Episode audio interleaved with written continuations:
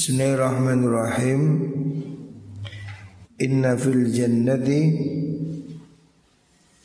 Ghurafan Yura zahiruha min batiniha Wa batinuha Min zahiriha.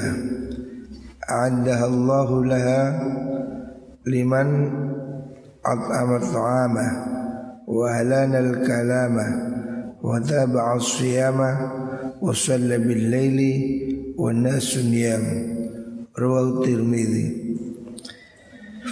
Rasulullah sallallahu alaihi wasallam bersabda Inna fil jannati ghurafan. Inna fil jannati Setuhune iku tetep ing dalam suwargo Ghurafan ono piro-piro panggung ada istana, ya, rumah, villa, Euro kang bisa den tingali Apa zahiruha? Zahire Hurafan Membatiniha sangking batine huraf wa batinuha lan bisa den tingali apa jerone huruf min zahiriha saking zahire hurufan jadi di surga ada rumah kaca ya. Tembus pandang. Dari luar terlihat ke dalam dari dalam terlihat keluar. Rumah yang indah untuk siapa? Ada nyawisaken sapa Allah ing mengkono. Ghurafan. Sinten Allahu Allah taala. Liman maring wong at'ama kang paring mangan sapa man. Ama ing panganan. Surga yang indah telah disiapkan Allah untuk orang-orang yang baik. Pertama, liman ab amat to'am. Untuk orang-orang yang suka memberi makan. Orang yang dermawan diberi tempat spesial. Beri makan bersedekah ya. Itu VIP ya. Siapa lagi walana lan nglemesaken sapa wong al kalama ing guneman.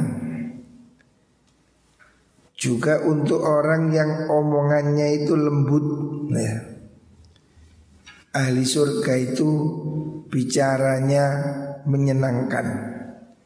Tidak ketus, tidak apa? Tidak pedes Orang-orang yang kalau bicara ini menyenangkan seperti yang dicontohkan Rasulullah Shallallahu Alaihi Wasallam. Rasulullah itu kalau bicara fakaan nadurru yasqutu min dzalikal kalam. Seakan-akan dari mulut beliau itu turun mengalir intan yang keluar dari mulut Rasulullah Shallallahu Alaihi Wasallam. Artinya ucapannya Nabi itu tidak sengak, tidak ketus. Ya. Makanya Allah dalam surat Al-Furqan mengatakan wa idza khatabahumul jahiluna qalu salama. Ya.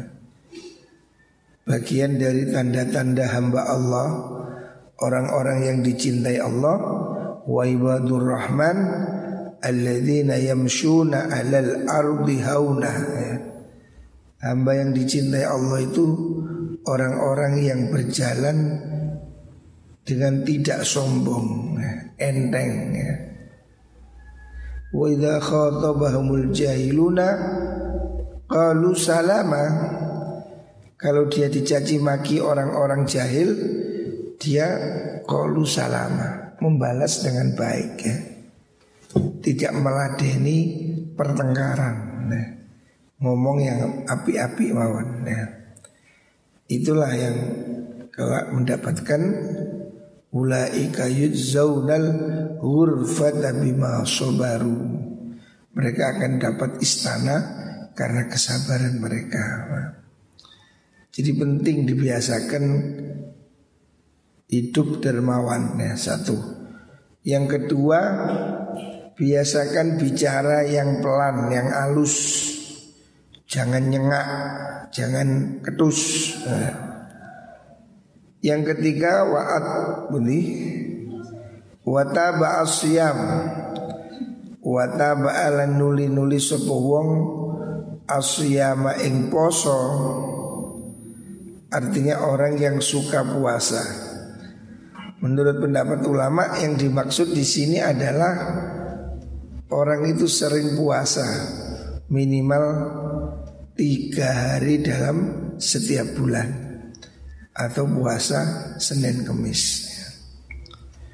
Itu diberi tempat di surga.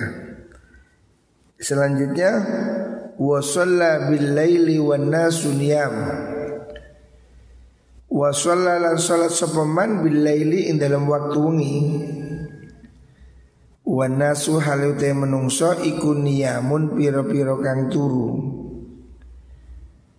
Sholat tahajud ya. Sholat di waktu orang lain tidur nyenyak ya. Artinya ini memuji orang-orang yang mau sholat tahajud ya.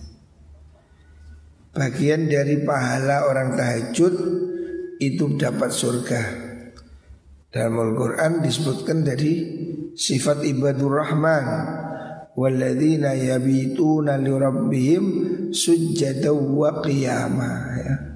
Orang-orang yang malam hari bangun bersujud bertahajud ya. Itu termasuk orang yang besok dapat jatah kapling di surga. Makanya ini harus dilatih ya. Biasakan empat hal ini menjadi sikap hidupnya. Yang pertama memberi makan atau dermawan. Yang kedua bicara yang yang lemah lembut, bicara yang pelan, ya bicara yang menyenangkan. Yang ketiga sering berpuasa. Yang keempat sholat tahajud. Nah, empat hal ini akan membuat kamu masuk surga. Rawahu Tirmidzi An-Nahdi. Inna fil jannati sudri iki iku ing dalam swarga daron ono lawang yukalu kang den ucapaken laha opo darul farahi? Omah kebungaan pintu kebahagiaan. Layat hulu orang ha ing mengkono jannah. Dar niku Sopo ilaman angin wong Farraha kang bungahakan sopo man Asibiyana ing piro-piro bocah. Hadis rawahu Ibnu Adi Di surga juga ada satu pintu lagi khusus untuk orang yang suka menghibur anak kecil. Arek cilik udah diuten-uteni Orang-orang ini kadang salah mendidik anak. Arek cilik eh awas loh. Gendruwo. Anak kecil jangan diajari takut ya. Menjadikan dia penakut. Awas hantu, awas kuntilanak. Ini yang membuat anak-anak menjadi penakut ya, menjadi gagap ya. Jangan membiasakan untuk menakut-nakuti anak kecil. Biasanya orang-orang kampungan, orang desa gitu. Anak kecil diuten-uteni, awas kamu digigit hantu. Ayo turu, gak turu dimakan hantu. Akhirnya dia menjadi biasa ketakutan ya. Itu buruk ya. Jangan mengajari anak dengan ketakut-ketakutan seperti itu ya. Anak-anak kecil itu harus bahagia. Anak-anak kecil itu harus senang. Ya. Apalagi di usia lima tahun pertama, ya. golden age, ya. usia emas. Itu anak umur 1 sampai 5 tahun. Itu harus diajari dia berkembang. Jangan malah ditakut-takuti. Ada cilik ayo turu, ono ini tuh, ono gendruwo, ono apalagi tekek. Anak yang biasa ditakut-takuti menjadi tidak tidak berani ya. Jangan biasakan nakut-nakuti anak. Termasuk membentak itu jangan dilakukan. Tapi bukan berarti anak harus dimanja ya. Jangan dimanja juga bahaya. Anak dimanja yo itu wambeng. Anak harus dikendalikan tapi dengan cara yang baik ya. Nah, di sini pentingnya orang tua ini ngerti pendidikannya supaya bisa gimana caranya mengatur anak kecil tapi tidak perlu dengan kekerasan gitu. Anak-anak kecil ini harus bahagia. Kalau tidak Enggak wis tuwek sik dulinan layangan nekeran masa kecil kurang bahagia. Hmm. Ono wong wis tuwek sik dulinan yoyo cilikane kurang dulin. Jadi masa kecil itu harus dibiarkan anak itu tumbuh ya. Jangan ditakut-takuti. Anak menjadi gagap ya. Ah, ah. Itu karena sering ditakut-takuti ya. Jadi tidak boleh ya. Anak kecil jangan ditakut-takuti. Itu bisa jadi gagap ya. Rawahu Ibnu Adi an Aisyah. Inna fil jannati sedun iku ing dalam suwargo Baban ono lawang Yukalu kang den ucapaken lahu maring bab opo ad-duha aran lawang ad-duha.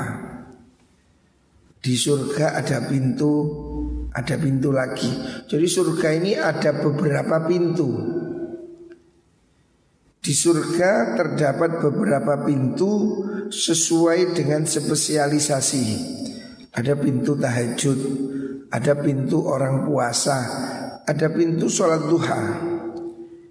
Yukalu dan ucapakan lahu kedua bab opo al-duha pintu al-duha. Ada pintu khusus orang yang acek sholat duha. Fa idza kana nalikane tinemu apa yaumul qiyamati dina kiamat Nada mongko ngundang-undang sapa munatin malaikat kang ngundang-undang. Maksudnya ngundang-undang itu pengumuman. Ada pengumuman dari malaikat. Aina alladzina kanu yudawuna yudawamuna ala salati duha aina iku ing dalem alladzina utai wong akeh yudimuna atau yudawimuna kang padha nglanggengi sapa alladzina ala salati duha ing atase salat duha Besok orang-orang yang di dunianya sering aktif sholat duha akan dicari oleh malaikat. Mana orang-orang yang selalu sholat duha? Bukan sholat subuh kawanan ya. Ada orang sholat siang tapi subuh. Subuh merangkap duha. Bukan itu. Yang dicari oleh Allah itu nanti orang-orang yang di dunia selalu sholat duha ya. Sholat duha ini penting ya. Makanya kita di pesantren Anur satu ini saya minta diwajibkan pagi hari semua sebelum sekolah supaya melakukan sholat duha. Ini penting ya, dibiasakan. Sebab nanti di surga itu ada pintu khusus untuk orang-orang yang istiqomah sholat duha. Hadza utai bab Itkubabukum lawang siro kabeh. Fadkhulu mongko mlebu sira hu ing bab. Birahmatillahi kelawan sebab rahmati Allah.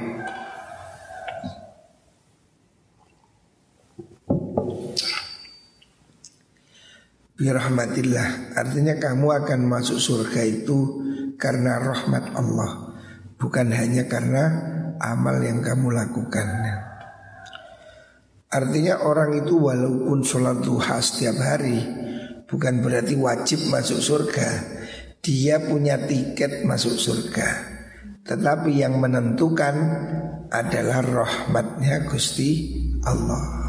Karena kita tidak tahu Apakah sholat duha itu diterima oleh Allah. Makanya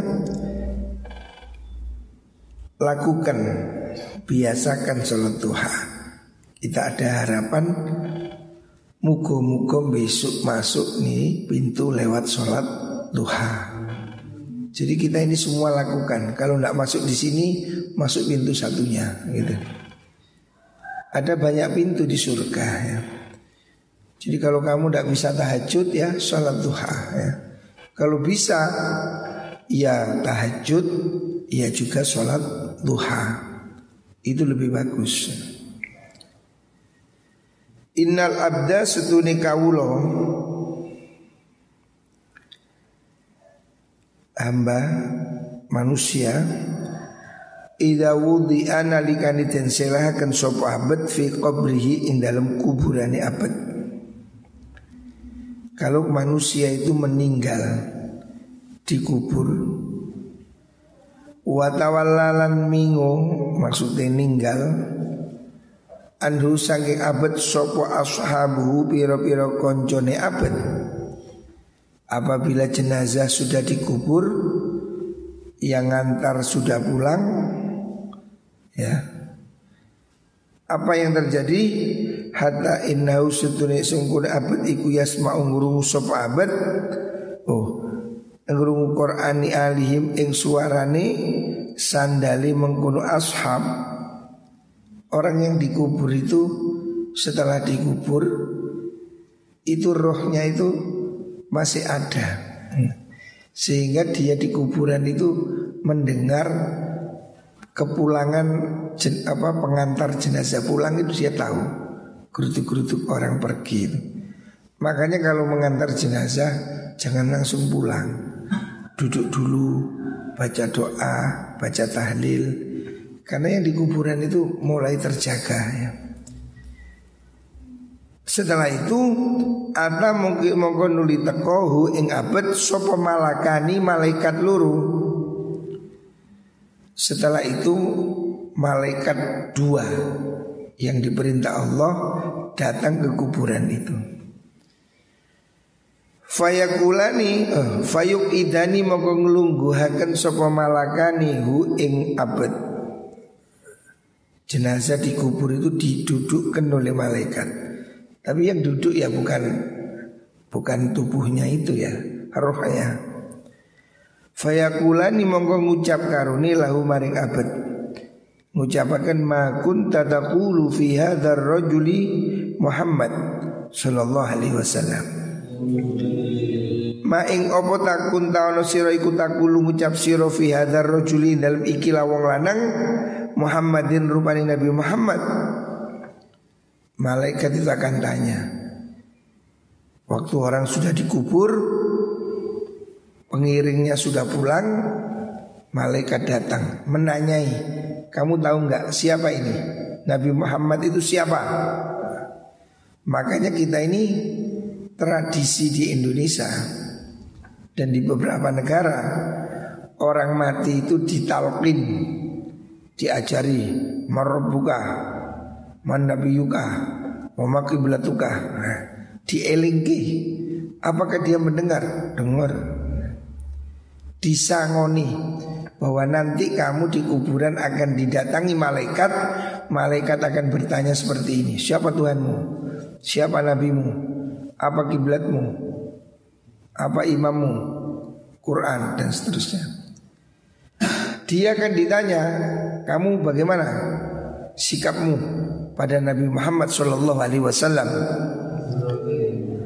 Fayaqulu mongko ngucap sopal mukmin wong mukmin. Kalau orang itu mukmin, fa amal mukmin fayaqulu ngucap sapa mukmin asyhadu annahu Abdullah wa rasuluh. Asyhadu nyaksan ingsun annahu Muhammad iku Rasulullah Rasul Allah Abdullah kaulani Allah wa rasululan rasuli Allah. Kalau orang mukmin ditanyai bagaimana pendapatmu tentang Muhammad? Dia akan jawab mantap itu hamba Allah Rasulullah. Kalau bisa jawab lulus. Pertanyaan kubur ini sudah bisa kita siapkan hari ini ya. Kamu akan ditanya Marubuka Waman Nabiyuka? Dan seterusnya. Fayuqulu Fayuqalu maka ucapakan Apa unzur? Bandiwang Ini hadisnya keliru nulisnya ya Ila makatika Gimana kitab tulisannya Minal jannah mestinya ini ya. Oh enggak benar-benar. Ila Bendi-bendi bendi ini Benar. Fayuqalu dan ucapakan lahu maring mengkuno rojul Undur Ningalono siro Ila mak adika maring gon lunggu siro minan nari sangin rokok Kot abdalaka teman-teman gandeni kain sira sapa Allah Allah. Bihi kalan mengkono makat minan nar minal jannati saking swarga. Fayarahuma mongko ningali sapa mukmin ing jannah wan nar jami'an kalan sekabehane wa yusahu lan jembaraken lahu maring mukmin fi qabrihi dalam kuburane wong mukmin apa sabuna pitung puluh apane dhira'an dhirae 70 depa luas.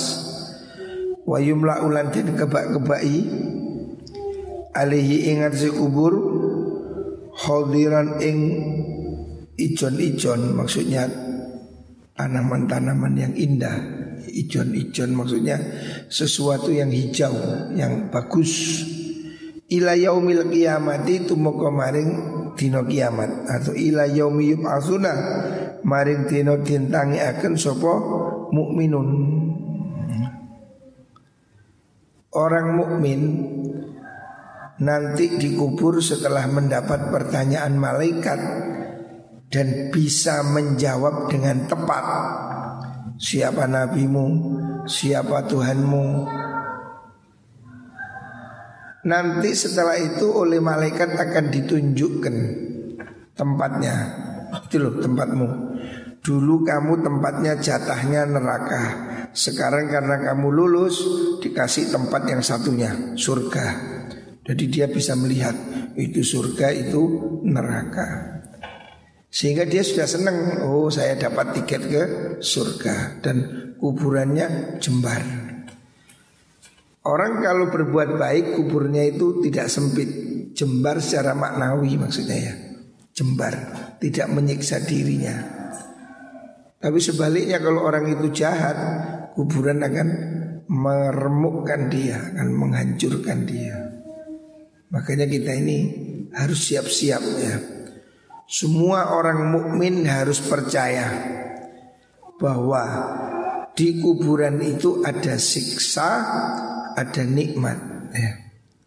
Kita yakin walaupun tidak kelihatan ya, di kuburan tidak kelihatan tapi kamu harus percaya ya bahwa di kubur itu ada yang mendapat nikmat, ada juga yang mendapat azab. Ya. Wa amal kafir wa napun wong kafir awil munafiku to wong munafik Fayuqalu mongko den ucapaken lahu maring kafir au munafik ma kunta taqulu fi hadzal rajul ma ing boro ing opo kunta ngucap kunta ono siro iku takulu ngucap siro fi hadzal rajuli dalam iki lawang lanang Kalau orang munafik, orang kafir akan ditanya, ini siapa ini? Nabi Muhammad itu siapa? Fayaqulu mongko jawab sapa kafir la adri ora weruh ingsun. I don't know, saya tidak tahu. Wa kuntulan ana ingsun iku aku ngucap ingsun ma ing perkara yakul kang ngucap sapa nasu menungso. Orang kafir tidak kenal Nabi Muhammad Shallallahu Alaihi Wasallam. Makanya dia nanti akan menjawab saya tidak tahu. Apa cari wong wong. Fayu qalu maka den ucapaken lahu maring kafir la daroita wala talaita. La daroita ora weruh sira wala talaita lan ora bisa maca sira. Kenapa kamu tidak tahu?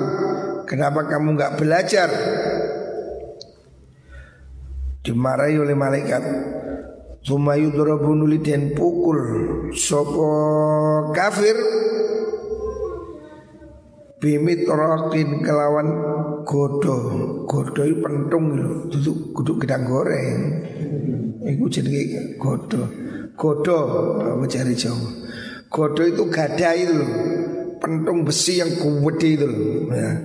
Jadi orang kafir besok takoni kelakep-kelakep ah, ah buah gepuk penyet. Nah, dipukul dengan palu besi ya. Min hadidin sanging besi. Dorbatan kelan sak pukulan.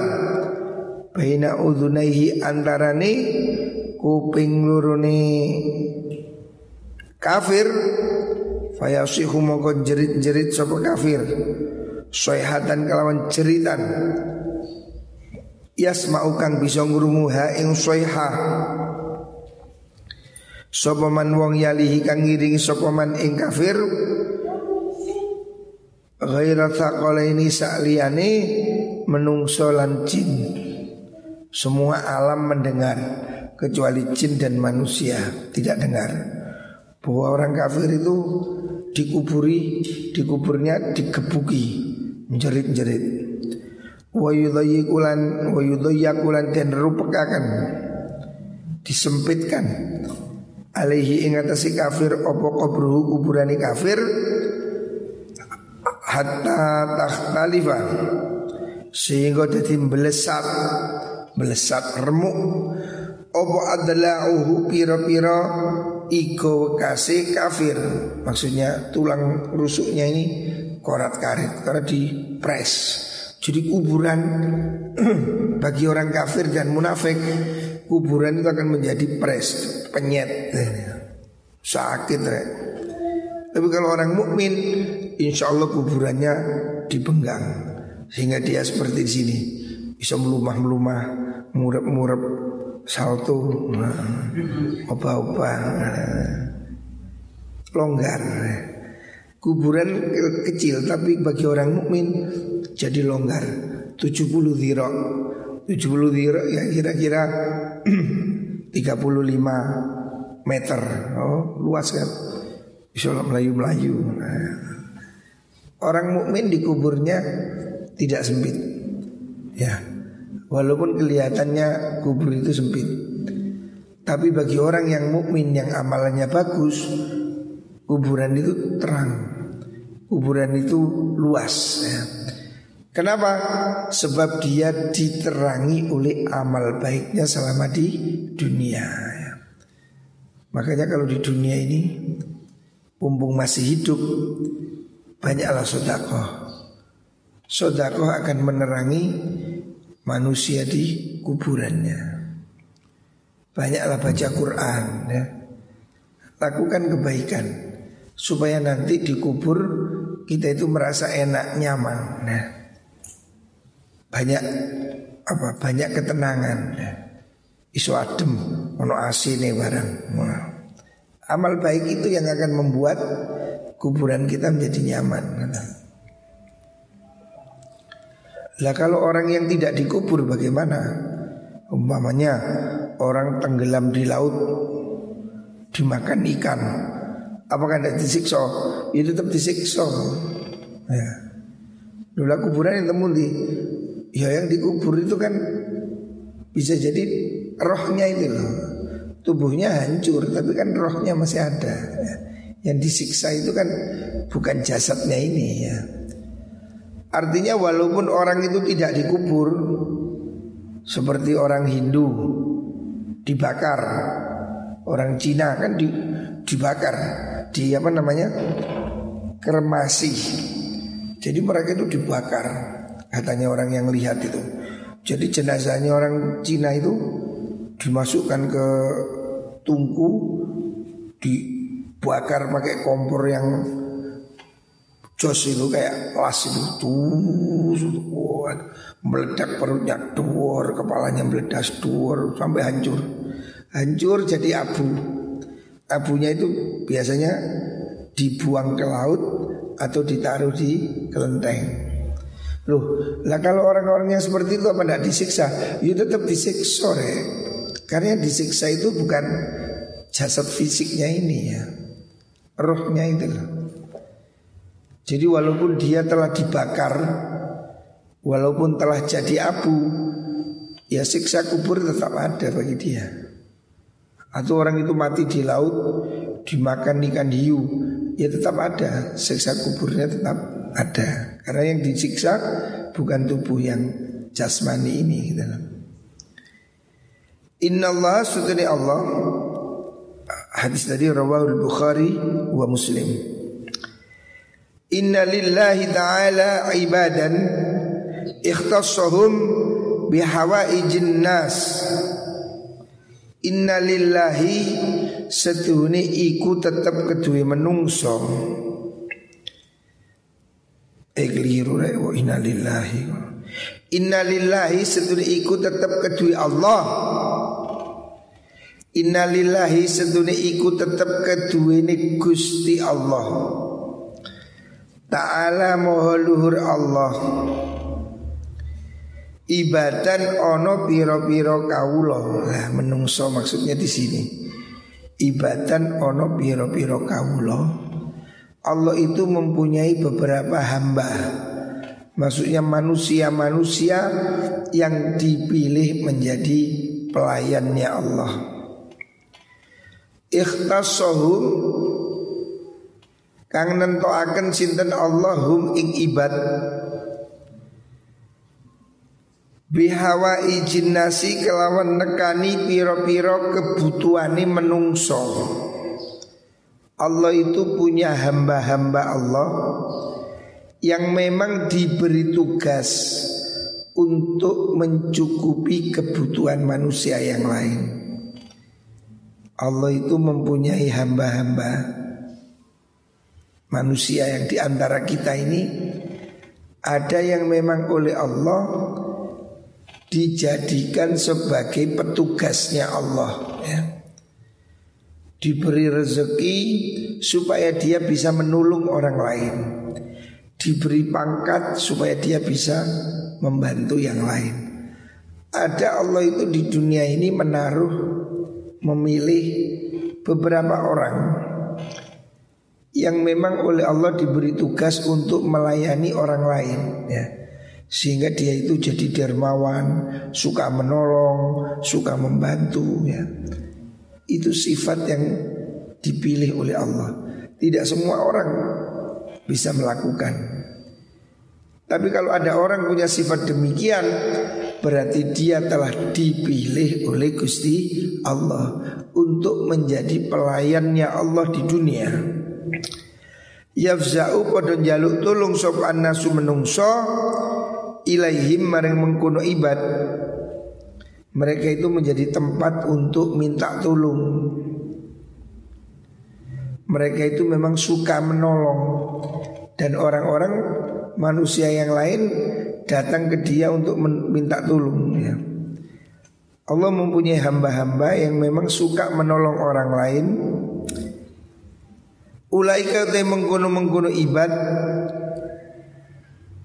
hum ya ulaik iku al aminuna piro-piro wong kang selamat min adzabillahi saking siksone Gusti Allah. Jadi Allah ini memilih di antara hamba-hambanya, di antara manusia yang semua ada di dunia ini, ada yang dipilih Allah sebagai jalan kebaikan. Baik melalui hartanya, ilmunya, tenaganya, dia itu memang suka menolong orang lain. Ya. Jadi sikap suka menolong itu pemberian dari Allah. Tidak semua orang kaya mau menolong orang lain.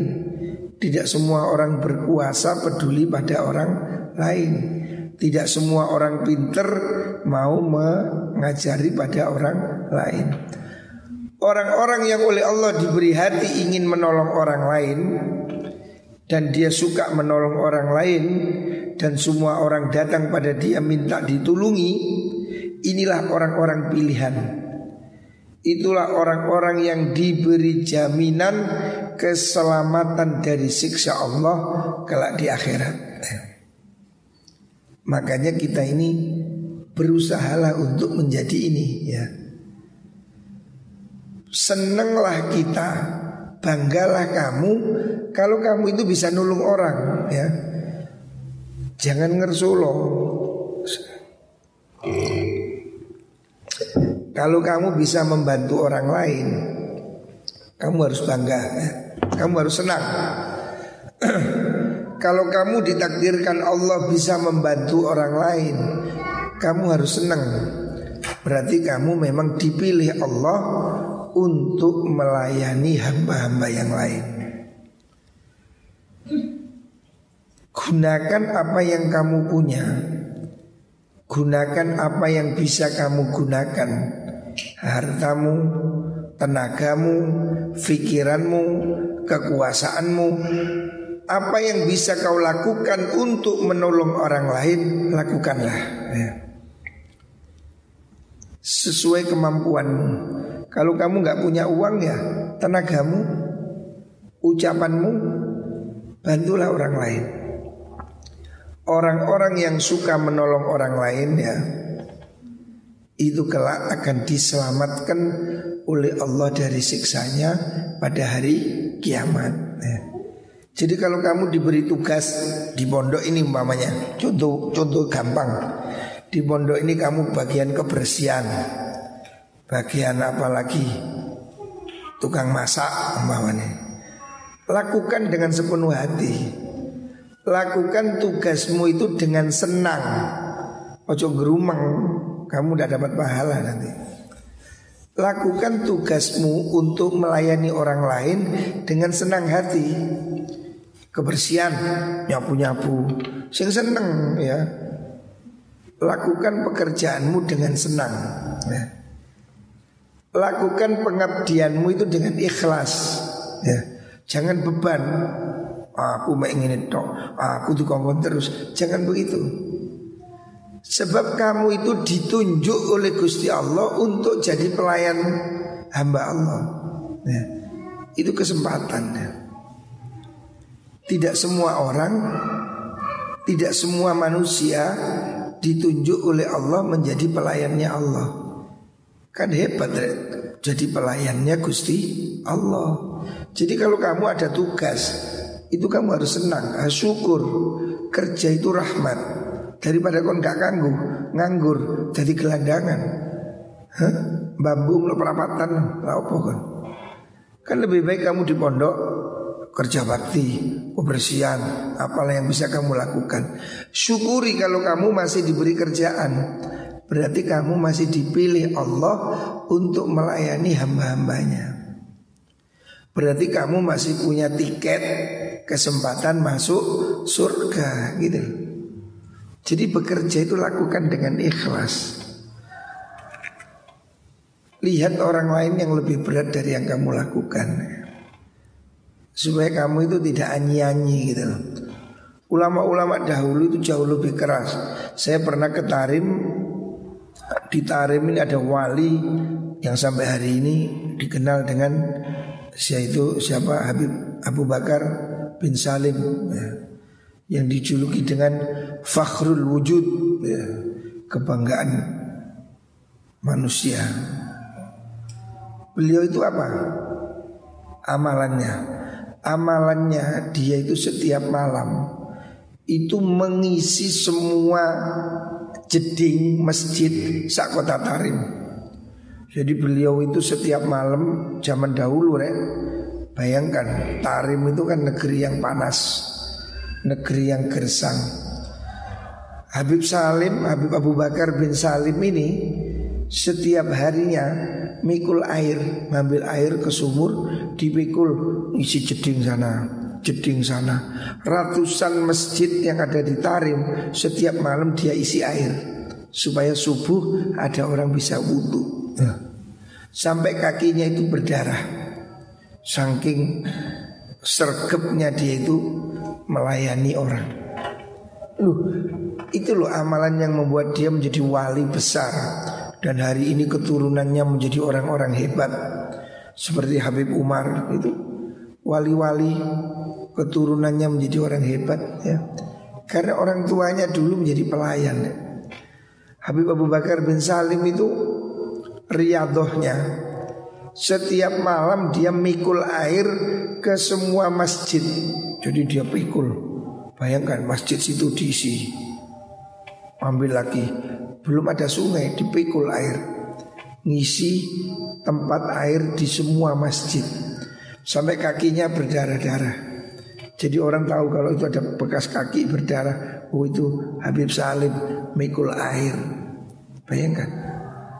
Kau nyebut kemek nyapu turu-turu ini ngersulo. Coba mikul banyu semungi kan.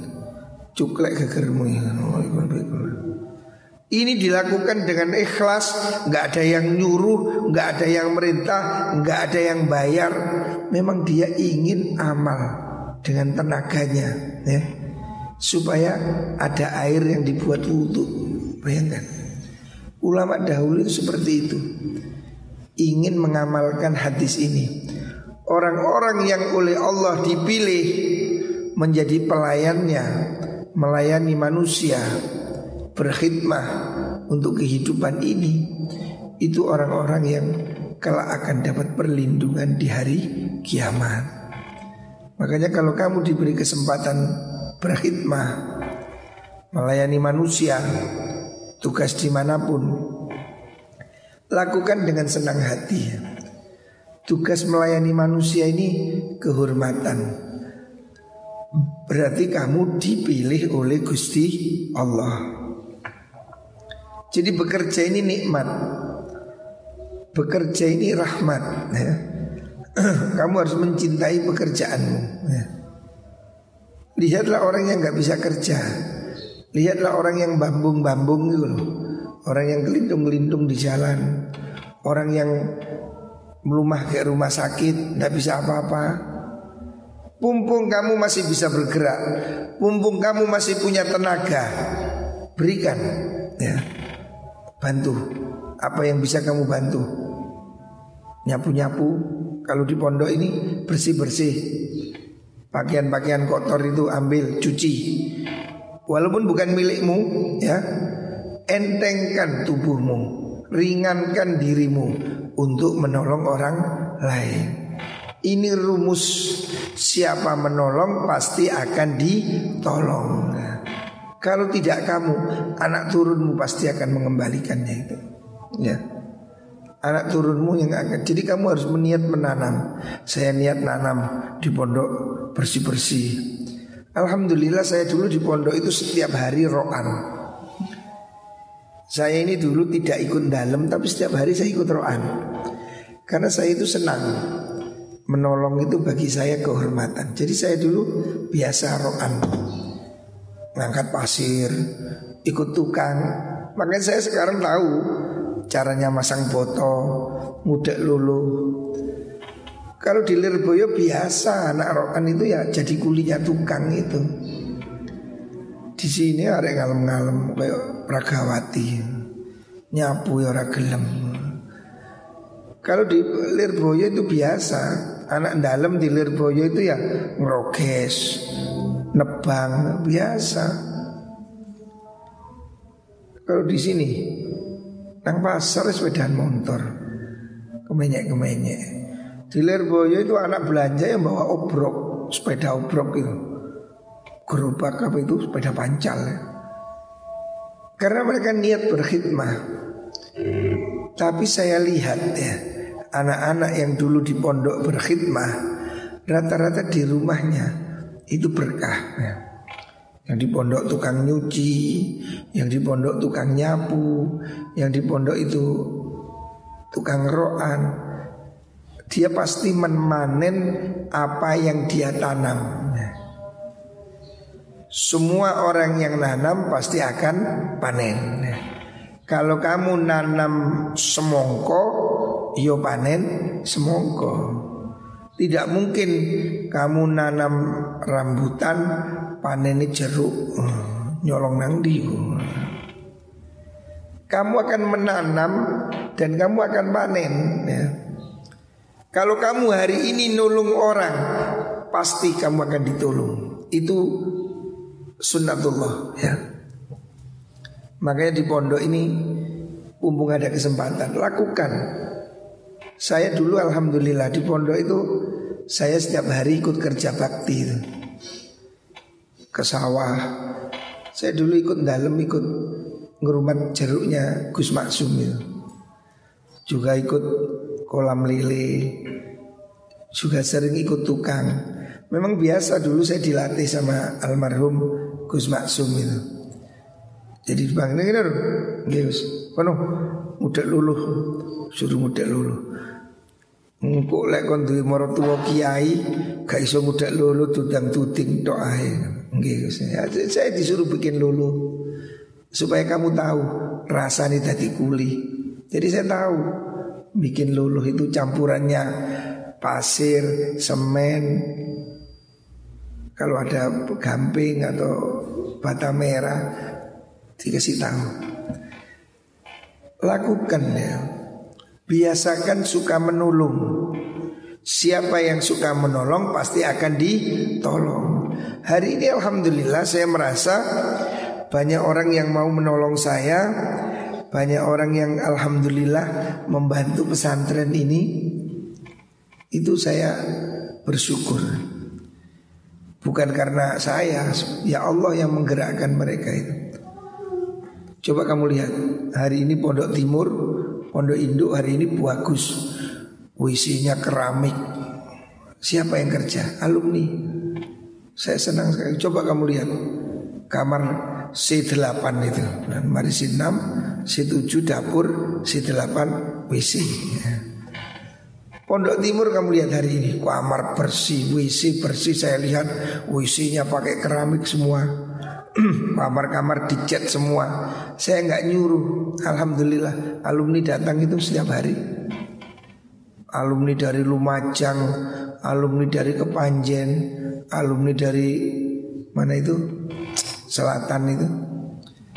Hari ini alhamdulillah bulan Ramadan kemarin liburan alumni gotong royong pondok induk, pondok sepuh hari ini bagus. Kamar-kamar bersih WC-WC bersih. Kemarin saya cek WC-nya sekarang dipasang keramik keliling. WC omaku kalah. Apian keramik WC ini are-are Natur api keramik Hebat ini. Ini ya Alhamdulillah Saya nggak nyuruh. Tapi saya bersyukur ya Allah Allah yang menggerakkan hati mereka Datang ke sini Ya Alumni-alumni itu di rumah padahal sibuk ada alumni yang di rumahnya sudah punya pom bensin, bayangkan. Rosidin itu di rumah punya SPBU. Dia setiap hari Minggu datang ke sini bantu ngecat. Bayangkan juragan pom bensin Rene gelem ngecat. Awakmu juragan upil. Kemenyak isak boleh. Itu setiap minggu yang datang itu Haji Ilmi itu punya toko emas. Banyak saya senang Masya Allah alumni luar biasa. Mereka itu ada yang kepala sekolah, Pak Latif kepala sekolah datang ke sini setiap hari Minggu nyapu, ngecat. Saya bersyukur Masya Allah. Mereka digerakkan oleh siapa? Digerakkan oleh Allah, bukan oleh saya. Ya, Hari ini Alhamdulillah banyak orang mau membantu. Saya kewalan kan, saya ngurus bangunan di sini. Kita ini kan punya beberapa pondok di sini, di sana, di situ. Waduh, kualan pikiranku. Alhamdulillah alumni datang beres sekarang. Pondok Timur itu kemarin bocor diselesaikan. Tembok-temboknya bersih. Lemari-lemarinya diganti baru. Masya Allah. Saya senang. Saya kadang berpikir, ya Allah, dulu saya di pondok alhamdulillah sukaroan. Saya dulu suka kerja, apalagi di pondok putri. Oh, sergap saya. Hari ini alhamdulillah pondok saya hari ini dirumati orang alumni-alumni mauroan. Sehingga pondok malah turut doa yang ini oh bukan lungker ya hari-hari. Coba lihat itu alumni-alumni yang sudah bermobil itu loh, masih datang ke sini ngechat. Saya itu ternyuh lihat itu. Itu setiap hari yang kerja sekarang bersih-bersih di kolam itu dari Lumajang itu. Ada yang juragan pasir, ada yang punya toko bangunan. Mereka datang ke sini untuk nyabut jeding. Itu masya Allah. Makanya saya senang. Siapa yang menggerakkan itu? Allah ya. Ini apa yang kita tanam ya. Apa yang kita tanam pasti kita panen. Ya. Hari ini saya alhamdulillah merasa panen ya. Ini ada yang bantu, ini ada yang bantu. Ini kan hari ini kita mau balik pondok. Anak-anak sudah siap-siap balik pondok. Saya harus nyiapkan ini, nyiapkan itu kan new normal ini kan banyak hal yang harus disiapkan. Mana itu alat-alat APD, alat pelindung diri, rapid test. Sekarang ini kan usung COVID ini kan harus ada rapid test. Saya punya rapid test 180. Padahal itu satu harganya 200 ribu. Berapa juta ya? Gak beli dikasih dok. Ada orang ngasih, ada orang ngasih digerakkan oleh Allah untuk membantu kita.